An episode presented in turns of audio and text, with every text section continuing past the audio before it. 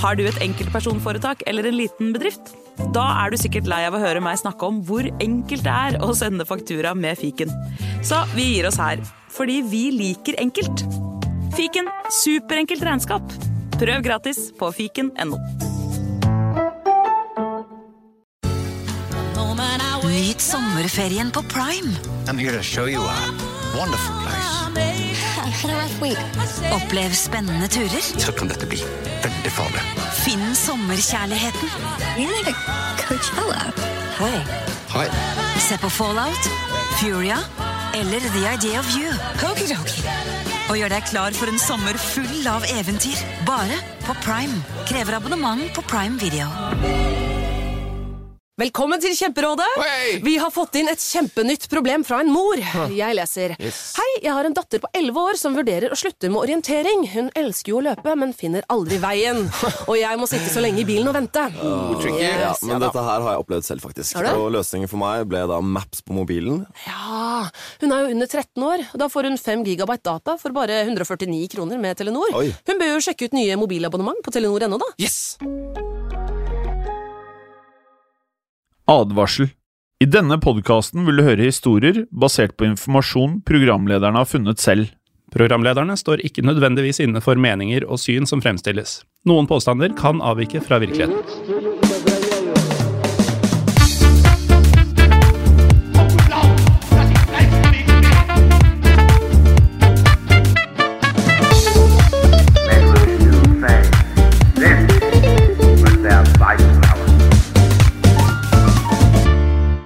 Hei og velkommen til en splitter ny episode av Historie på den andre verdenskrig. Mitt navn er også denne uken Jim Fosheim. Og mitt navn er Morten Galaasen. Og når du sier denne uken, Jim, så er det sikkert mange som lurer på hvor har dere vært de siste tre ukene? Ja, Det er visstnok uh, sånn at det er mange som lurer på det, selv om vi har sagt det før. Ja, Så Og kommer sier- til å si det igjen. Og igjen, Mm. eh, forrige uke og uken før der og uken før der, så var vi i en app Ja, som heter Untold. Og den er rosa. Åh, om den er rosa, ja. Mm. Den er rosa både i Google Playstore og i IOS sin appstore. Ja, og jeg bruker jo Android, så da jeg i sin tid lasta ned Untold, så brukte jeg nettopp Google Playstore, skrev inn Untold, fant den rosa appen ved det navnet, lasta ned, og fikk 30 dager gratis. Ja, eh, Men skulle du gjøre akkurat samme øvelse og ta et helt år, mm. så får du nesten to måneder gratis. Ja, det er jo bedre. Ja, Det er veldig mye bedre. Mm. Og er du som meg, da, at du bruker iPhone, så går du inn på AppStore, og så skriver du Untold, laster ned appen, den rosa Untold-appen, og så får du 30 dager gratis. Ja, og hvis du ikke vil gjøre det på noen av de to nevnte måtene, så kan du bruke nettleseren din og skrive inn untold.app og få tilgang derfra. Browser, som jeg kaller det. Ja, du er litt sånn mer internasjonal Ja. i språkbruken. Ja, og eh, vi kan jo nevne, for vi får ofte spørsmål om det. Er det andre podkaster der? Om det er! Ja, det er mange. Det tar nesten ikke slutt, føles det som. Nei, det gjør ikke det. Og det er jo et utall podkaster med deg og meg. Ja, det er det også. Eh, Både denne, Historiepodden, Gangsterpodden og egne serier, blant annet eh, Ukrainas turbulente historie. Og samlingen av Japan, Ja. som eh, vi akkurat har sluppet der inne. Og så er det en rekke podkaster med enten en av oss eller ingen av oss. Helt riktig. Mm. Eh, blant annet Henrettelsespodden, True Crime-podden, Synderne Du har masse podkaster. Masse. Eh, men i dag, Morten, så skal vi prate om eh, noe jeg ikke er helt sikker på om vi har pratet om i noen av podkastene våre tidligere. Nei, vi har vært innom aktiviteten, men ikke at det på en måte har vært hovedtema. Nei, for eh, i dag så skal vi prate om en skitur. Men ikke en hvilken som helst skitur. Nei, for det er langt fra den eh, søndagsturen eh, far har med barna med Kvikk Lunsj i sekken. På mange måter det motsatte. Ja, på mange måter. Og så skal det heller ikke handle om eh, noe folk kanskje tenker, eh, nemlig Mika Myllylä, når jeg sier at det er en eh, finne på langrennsski på prestasjonsfremmende midler. For det skal være en historie fra andre verdenskrig, dette her. Og vi skal Ja. høre om en skiløper da, som mista nesten all oversikt over tid og rom. Og når du sier dette, så kan det kanskje være greit å forklare litt øh, om hvordan dette i det hele tatt var mulig. Ja, det var mulig fordi denne skiløperen han var eh, dopa til bristepunktet på metamfetamin. Og metamfetamin det er jo et kraftig narkotisk eh, stoff som tyskerne brukte hyppig under andre verdenskrig. Helt riktig, Morten, men øh, det var ikke kun tyskerne som hadde tilgang på metamfetamin. Å nei. Nei, for øh, dagens hovedperson var ikke fra Tyskland. Han var fra Finland. Yes. Han het Aimo Koivonen. Ja, og Vi skal komme tilbake til han, men eh, vi kan jo si at eh, Finland de var jo lenge alliert med Tyskland. For i november 1939 så ble Finland angrepet av eh, Sovjetunionen.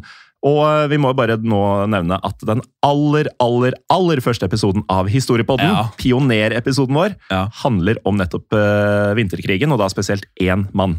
Og det er veldig gøy at du nevner det, Morten, for jeg har nemlig på Instagrammen min fått eh, en person som har hørt på episode én av Historiepodden over fem ganger. Oi. Og hun nevner at vi sier navnet Nei, hun skriver at det, vi butchered, butchered Vi butchered navnet hans. Slakter navnet. Ja, og hun har skrevet Hun skriver det med æ. Ja, Si meg hei, hæ. Og første episoden av eh, Historiepodden den eh, hører du, kjære lytter, her inne på Untold. Nettopp. Og uansett hvordan man uttaler navnet, så var det altså eh, vinterkrigen vi snakka om, og den varte fra november 1939 til mars 1940. Det gjorde den, men selv om finnene bet svært godt fra seg, som man ville hørt i episode 1 av Historiepodden, så var det da sovjeterne som til slutt gikk av med seieren. Og derfor så måtte finnene overgi en rekke landområder til nettopp Sovjetunionen.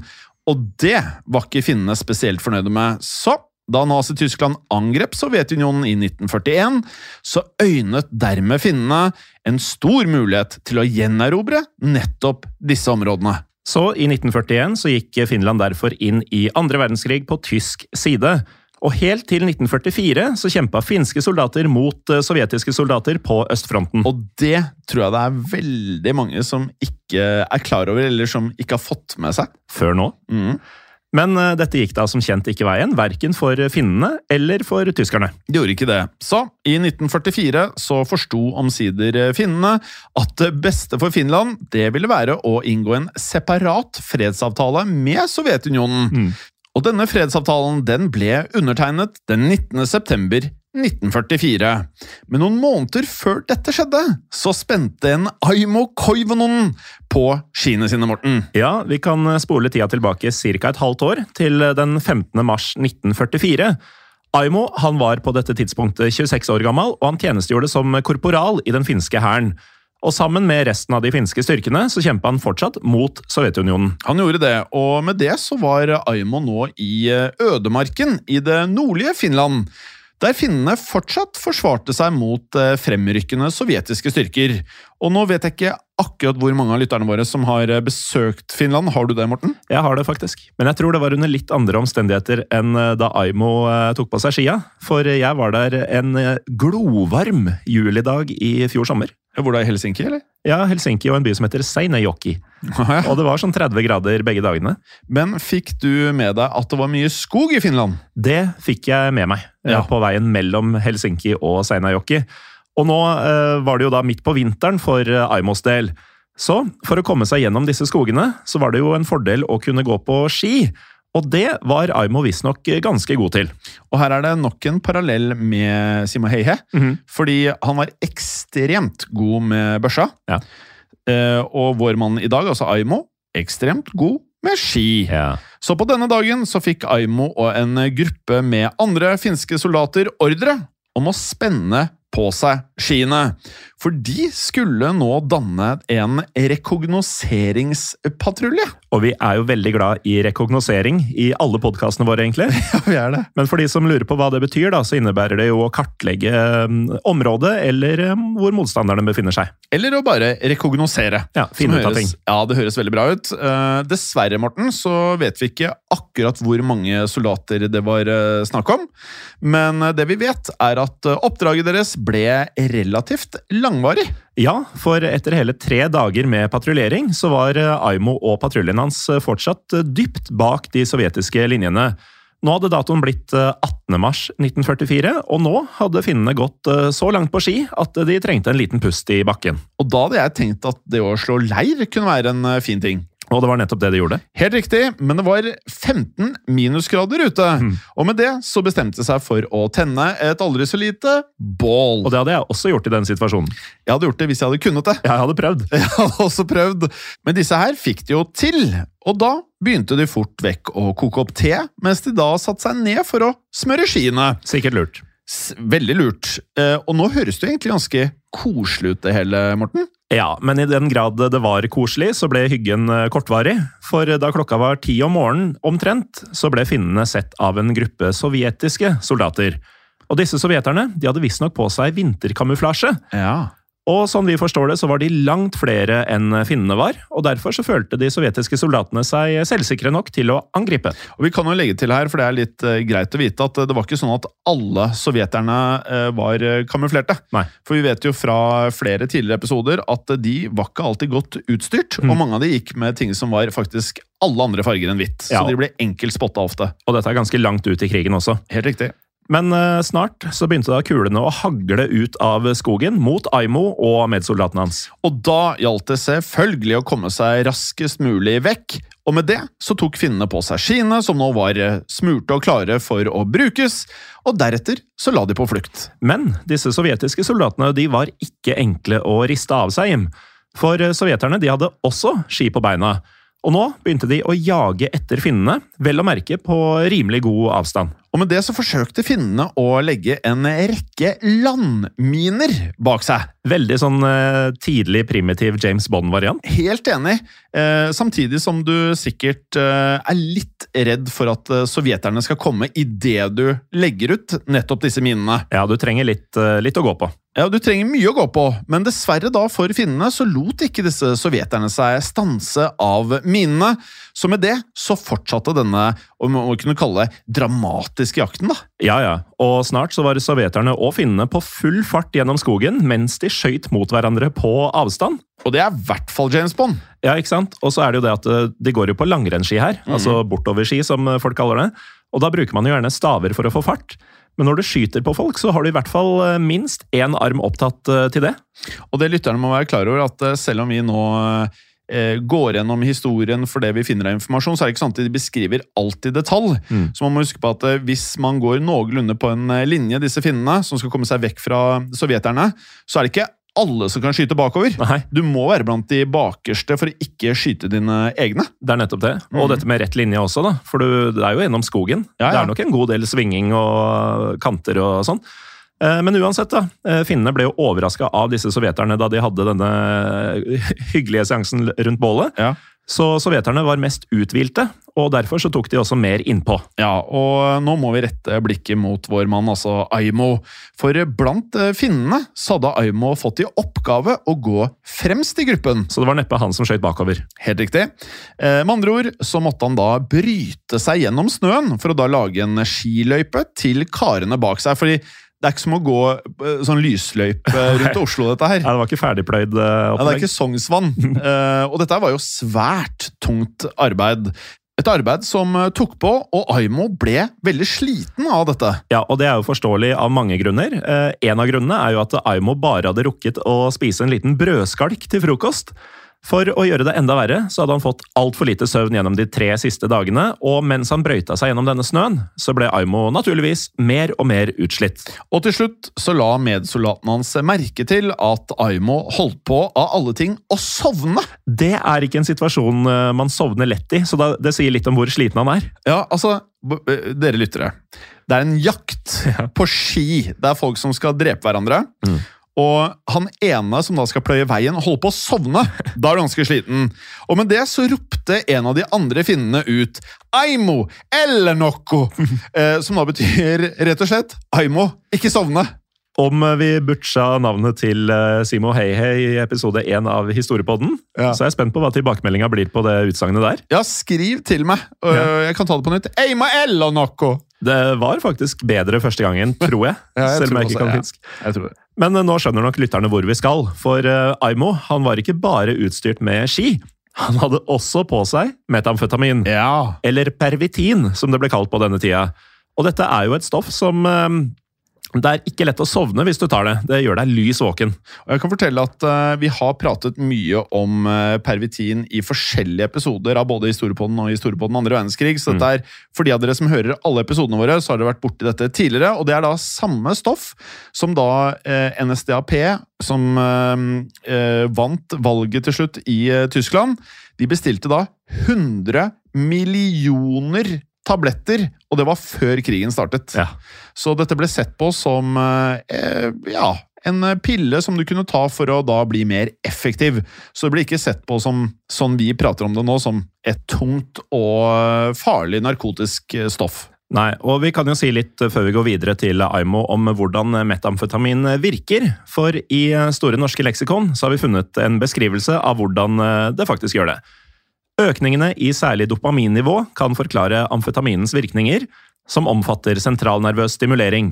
Dette medfører økt våkenhet, økt selvfølelse, nedsatt appetitt, høynet puls og rusfølelse med hevet stemningsleie og kritikkløshet. Ja, og I tillegg så har det blitt eh, sagt at eh, metamfetamin gir en følelse av eufori. Det gir også økt selvtillit og et mentalt fokus. Mm. Eh, og med det så regner jeg med at de mener at man blir veldig fokusert, man klarer å jobbe under røffere forhold. Eh, og det er jo egentlig akkurat det Aimo trenger nå. Ja, alt dette er egentlig en liste over ting han trenger i denne situasjonen. Ja. Men eh, før vi går videre, så må vi også forklare akkurat hvorfor Aimo hadde metamfetamin på seg, Jim. Ja, og det var rett og slett fordi nazistene, som jeg da nevnte, produserte enorme mengder med metamfetamin. Eh, og ettersom Finland da var allierte med nettopp Tyskland, så hadde tyskerne da forsynt den finske hæren med nettopp metamfetamin.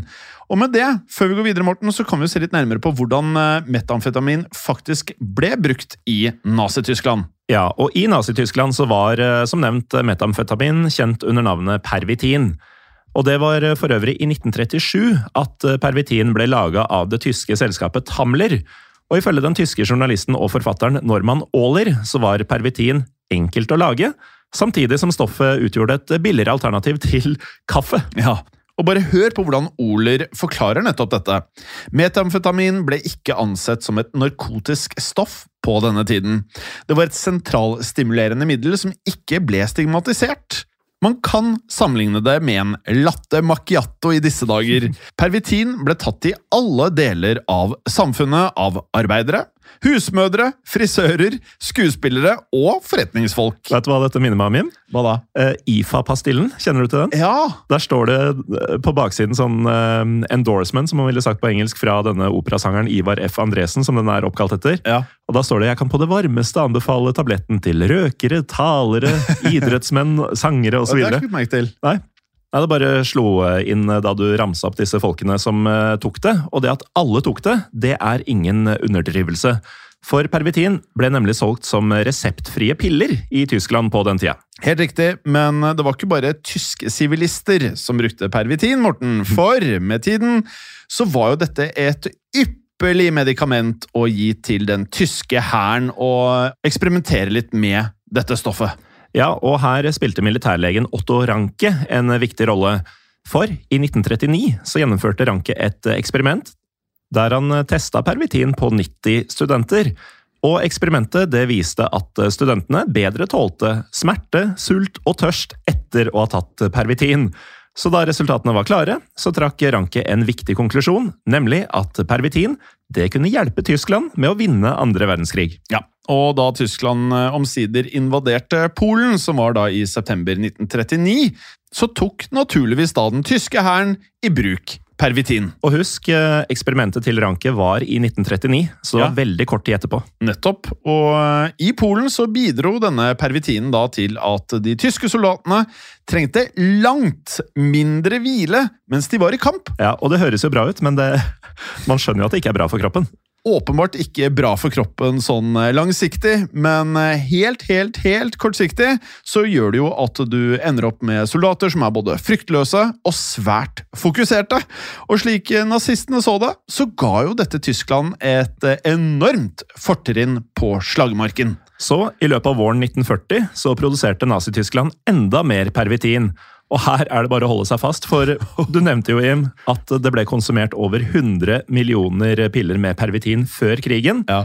Nå skulle det bestilles 35 millioner nye pervitinpiller. Og disse pillene ble deretter delt ut til den tyske hæren. Og da nazistene angrep Frankrike, Nederland og Belgia, så ble pillene tatt i bruk av tyske soldater. Og det har derfor blitt eh, hevdet, eh, Morten, at bruken av nettopp pervitin var avgjørende for at Tyskland skulle klare å beseire Frankrike i 1940. Jeg klarer å tro på det. Og eh, til alle dere som er ekstra kuriøse i eh, tilnærmingen deres til pervitin, så vet jeg at det har blitt gjort eh, flere gjenskapelser av hvordan tyskerne da stormet Maginot-linjen. Mm.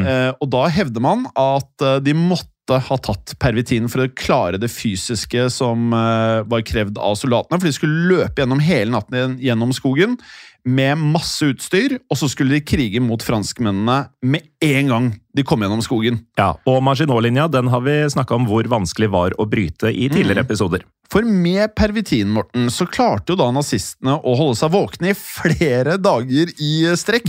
Og vi har jo nevnt, det er ikke bra langsiktig, men du kommer deg gjennom både det ene og andre kortsiktig. Og med det så fortsatte jo da den eh, tyske hæren framrykkingen nærmest ustanselig. Og ut fra denne prosessen så var det jo ikke overraskende selvfølgelig da at tyskerne fortsatte å produsere pervitin gjennom hele annen verdenskrig. Ja, og etter hvert så begynte altså tyskerne å forsyne også finnene med pervitin, noe som forklarer hvorfor Aimo nå hadde en pakke med pervitin på seg. Ja, så la oss nå rette oppmerksomheten tilbake mot Aimo. For 18. mars 1944 så var han jo nå på full fart gjennom skogene i Nord-Finland. Som vi nevnte tidligere, så holdt han jo nå på med å brøyte seg gjennom snøen for å da lage et eh, skispor til resten av avdelingen, og han var nå han var sliten, Morten. Ja, og til tross for den eh, slitsomme jobben han hadde, så var det ikke den eneste jobben Aimo hadde fått av medsoldatene sine.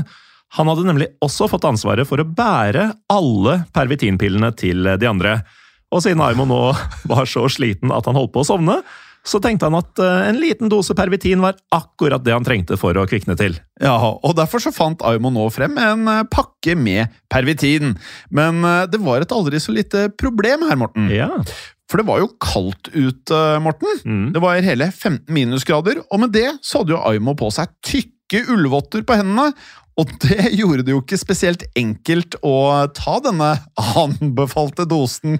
Nei, og vi har jo alle sikkert strevd med å få en eh, tablett ut av en pakning sånn i helt normal romtemperatur. Ja. Men eh, vi må jo også si hva den anbefalte dosen da var, Jim. Ja, den anbefalte dosen det var én pille med pervitin på dagtid og to piller om natten. Så her ville nok de aller fleste ha tatt av seg vottene og brukt fingrene sine til å finne frem til én pille med pervitin. Men det gjorde ikke Aimo, Morten. Nei, for dette hadde ikke Aimo tid til, eh, med tanke på at han ble jaget av sovjetiske soldater. Så for å bruke minst mulig tid på dette, så helte Aimo hele pervitinpakka ut i hånda si, for så å slenge pillene rett i munnen. Det høres jo egentlig ut som han tenkte greit, la oss ta et skikkelig påfyll her. Ja, og det gjorde han. For nå svelgte Aimo ikke 10, ikke 20, men 30 pervitinpiller! Og da kviknet Aimo relativt eh, kjapt til. Ja, det gjorde han. Det gjorde han, og ifølge informasjonen vår så var én bare én pille med pervitin nok til å holde deg våken i ikke 24 timer, men 48 timer. Altså én pille kunne holde deg våken i to dager, Ja, og han tok 30! han gjorde det. Så med andre ord hadde Aimo tatt en ganske kraftig overdose med pervitin. Så nå økte pulsen hans eh, dramatisk, eh, samtidig som han ble rimelig full av energi. Og Aimo han fikk eh, en euforisk følelse gjennom hele kroppen og kjente ikke lenger på smerte eller frykt. Det minner meg kanskje litt sånn eh, Du vet når Popeye tar den der eh, boksen med spinat, Ja. og så bare så blir han, eh, får han kjempestore muskler og kan gjøre hva som helst. Ja, umiddelbart. Ja, det er litt sånn her. 30 piller med pervitin, og Aimo kan få til hva som helst. Ja, og han følte seg da verken sulten eller tørst. Han kjente egentlig ikke på noen som helst svakheter, og han begynte å gå raskere og raskere gjennom snøen. Men vi nevnte jo at det ikke var nødvendigvis så sunt for kroppen. Ja. Til slutt så svartnet det fullstendig for Aimo. For eh, snart så fikk jo da pervitinpillene full virkning. Ja, for det er vel ikke helt uten bivirkninger, dette her. Nei, det er det ikke, Morten. Aimo begynte nå for alvor å hallusinere. Og selv om medsoldatene hans da merket at Aimo nå hadde fått litt ekstra energi, eh, og at det var i ferd med å gå gærent, så klarte de rett og slett ikke å hindre han fra å besvime. Men før Aimo besvimte, så rakk han eh, angivelig å tenke følgende tanke.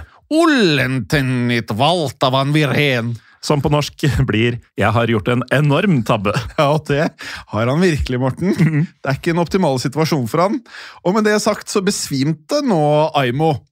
Og da ble han rett og slett helt slått ut, og med det så hadde ikke medsoldatene hans noe annet valg, følte de, enn å forlate Aimo.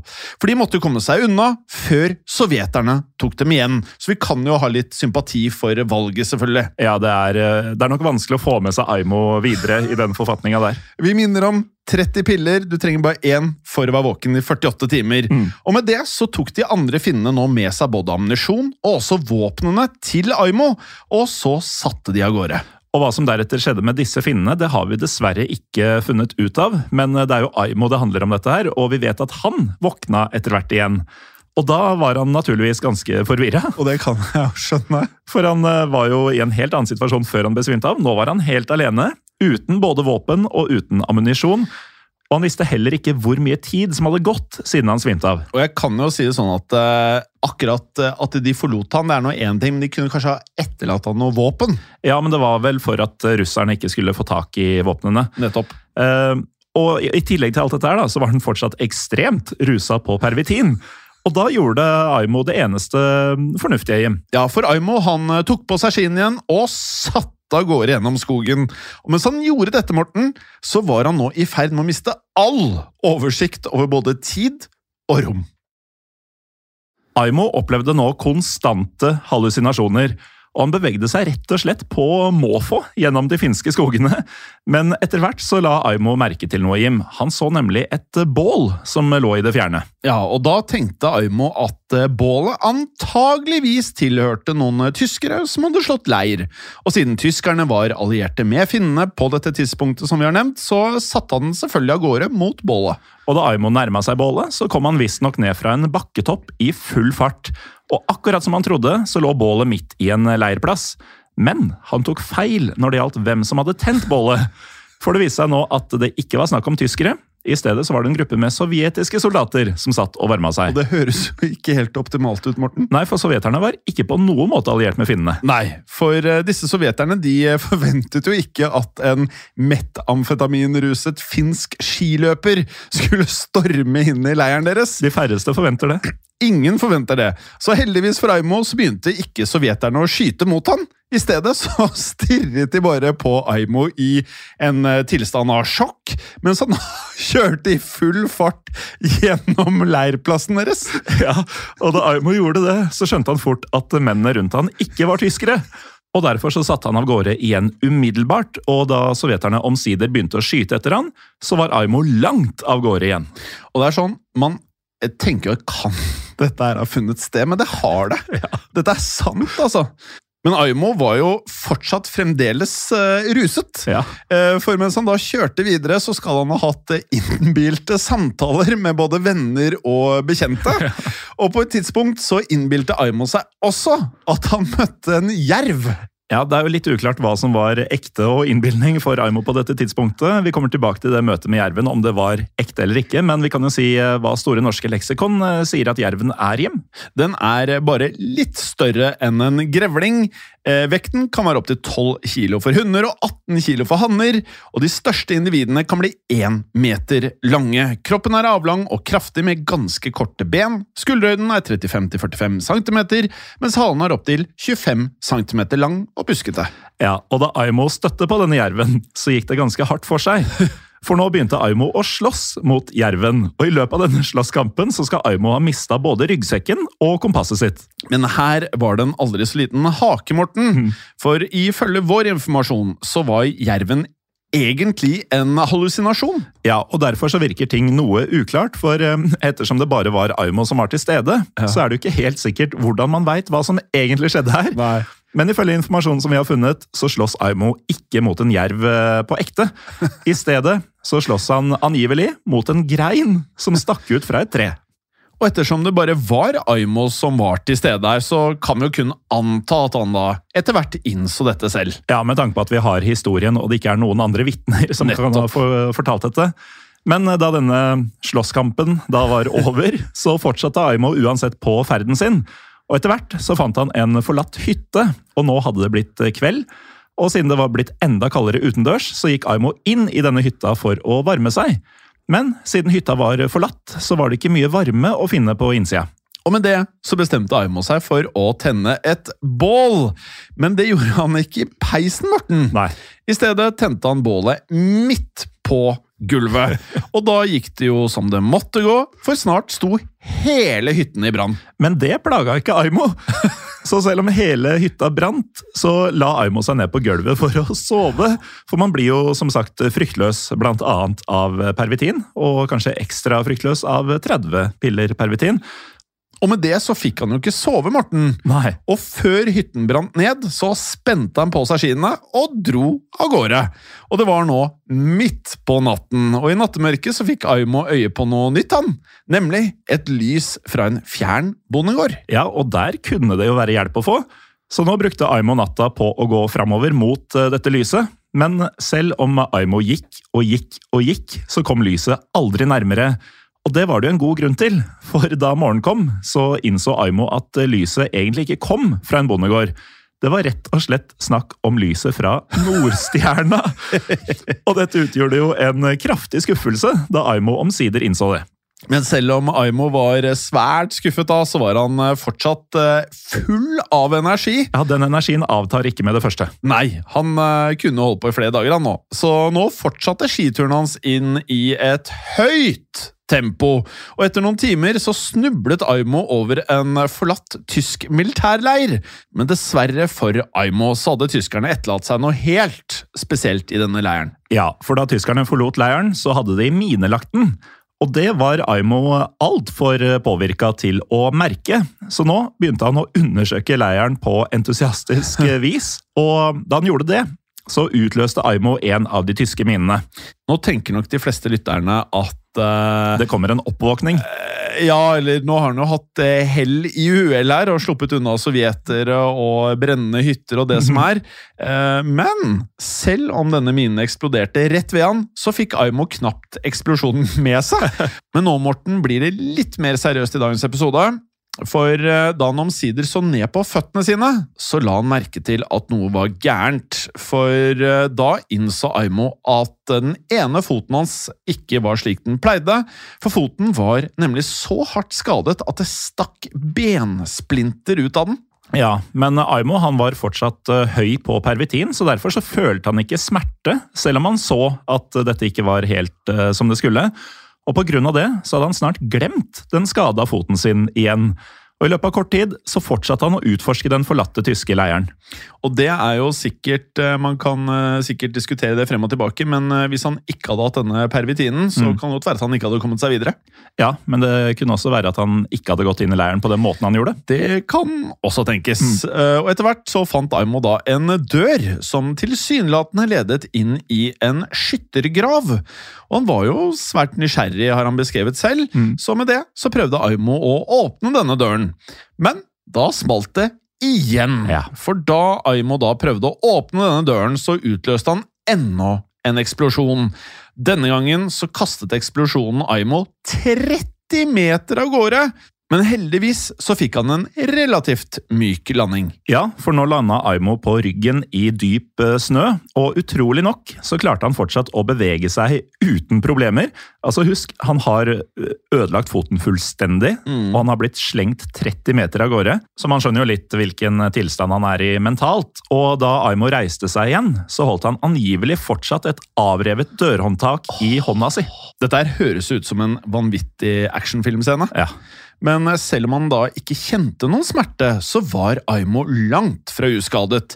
For slik vi forstår det, så hadde denne siste eksplosjonen nesten revet klærne hans i filler, noe som da ikke var ideelt i 15 minusgrader. Nei, og hadde det ikke vært for pervitiden, så hadde nok Aimo følt seg både kald og ganske panisk nå. Ja, Men likevel så var det noen tegn på at pervitinen faktisk hadde begynt å avta noe. For nå begynte Aimo å tenke på mat igjen. Men da Aimo så seg rundt i leiren, så fant han ikke noe mat. Så han begynte i stedet å se seg om etter et sted han kunne sove. For selv om Aimo hadde tatt 30 ganger anbefalt dose med pervitin, så hadde han gått så langt på ski og opplevd så mye at han likevel begynte å føle seg trøtt. Og med det så krøp Aimo ned i en grøft, og her la han seg ned for å sove, og med det sagt så kan vi da spole noen eh, dager frem i tid, Morten.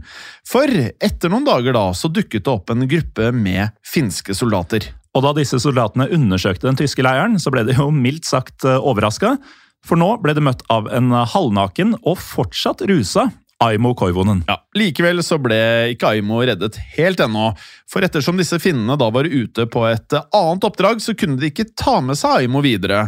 Så i stedet så lovet de Aimo å sende ut en beskjed om at den finske hæren måtte sende ut et eget redningslag for å finne han.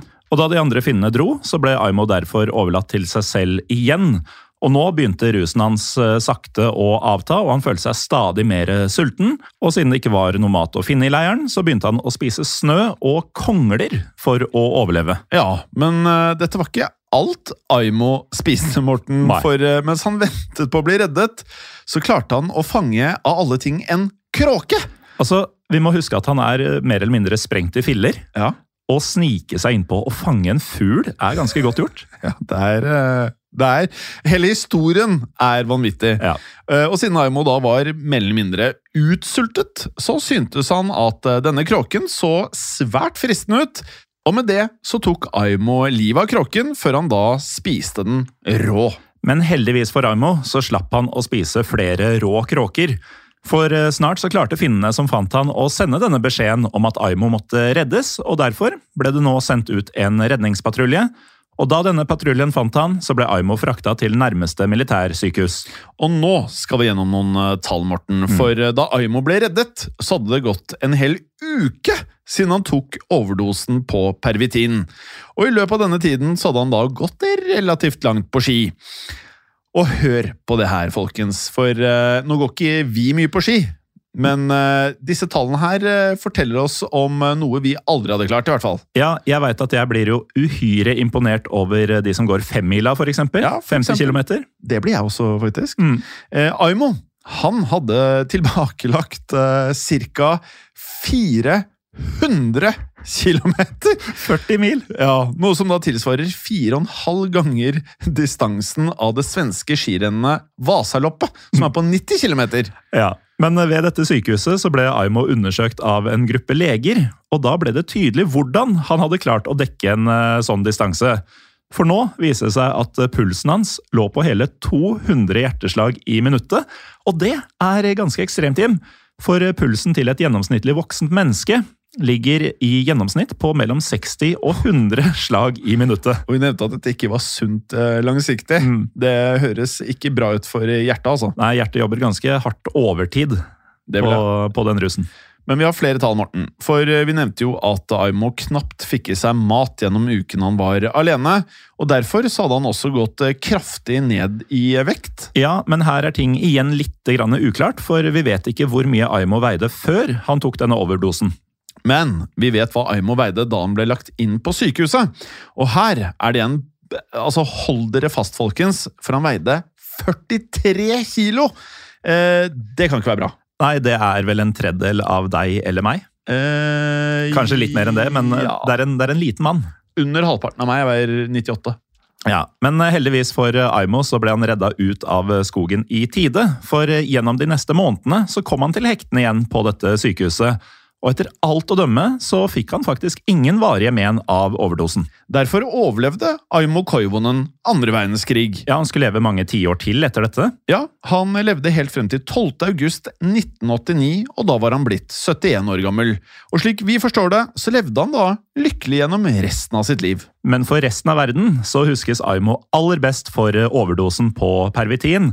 Og når det gjelder denne overdosen, så kan jeg nevne én ting til, nemlig at den regnes som andre verdenskrigs første dokumenterte overdose på metamfetamin. Men som vi har da lært da, så var ikke Aimo den eneste soldaten som tok pervitin under annen verdenskrig. Så hvis noen av dere lyttere kjenner til lignende historier, så vær så vennlig og send dette til oss, for vi ønsker å lage flere episoder om eh, folk under annen verdenskrig som eh, kanskje levde litt spennende perioder eh, under annen verdenskrig på nettopp pervitin. Disse tipsene kan sendes til oss på Facebook eller Instagram. Vi heter Historiepodden Norge begge steder. Og så har vi Facebook-gruppen vår, nemlig Historie for alle. Og igjen så må vi minne dere på at dere kan høre alle andre podkaster vi er med i på Untold-appen. Er du som meg IOS-bruker, altså at du har iPhone, så går du inn på AppStore, og så skriver du Untold, last den appen, og så kan du få de 31 dagene helt gratis. Og akkurat det samme gjelder dere som er som meg og bruker Android. Da går du inn på Google Playstore og gjør det samme. Ellers kan du bruke browseren din. yeah. Så skriver du bare untold.app, og så kan du gjøre en lignende øvelse der. Og da er det bare én ting igjen å si. Det er det. Seon tapatunut. voi tapatua odelen. Eh, på norsk, eh, det har skjedd. Og det kan skje igjen. Ha det bra. Ha det. Historiepodden ønsker å takke følgende. Dere som hjelper oss som sitter i produksjonen. Dere som hjelper oss som sitter i redaksjonen, inkludert eh, tekstforfattere. Det er helt riktig. Og dere som sitter på marked, som faktisk da gir oss muligheten til å drive med Historiepodden. Og selvfølgelig alle dere som hører på. Tusen takk. Moderne media. Er det enkelt nok for kundene dine å betale? Med betalingsløsninger fra Svea kan du tilby samme fleksible løsning på nett og i fysisk butikk. Svea vår jobb, din betalingsløsning. Enklere, raskere. Et godt råd fra Apotek 1. Sola er tilbake, like sterk som i fjor. Og det absolutt viktigste for å unngå forbrenning og solskader er å bruke solkrem. Hvis du i tillegg bruker et serum med vitamin C under solkremen, kan dette bidra til ytterligere å forebygge ujevn pigmentering, linjer og rynker. Kom innom og få råd på ditt nærmeste Apotek 1, eller chat med oss på apotek1.no. Apotek 1. Vår kunnskap, din trygghet. Nå er det maifest i Kiwi. Det feirer vi med å presse prisene på frukt og grønt, reker, wienerpølser og mye annet. På ca. 1,3 kilo wienerpølse fra Gilde presser vi prisen fra 117 helt ned til 99 per kilo. På størrelse 70-90 frosne reker i løsvekt presser vi prisen fra 99 helt ned til 89 per kilo. Og på 5 kilo reker presser vi prisen fra 399 helt ned til 349 for hele esken. For det er vi som er prispresserne, og vi i Kiwi gir oss aldri på pris.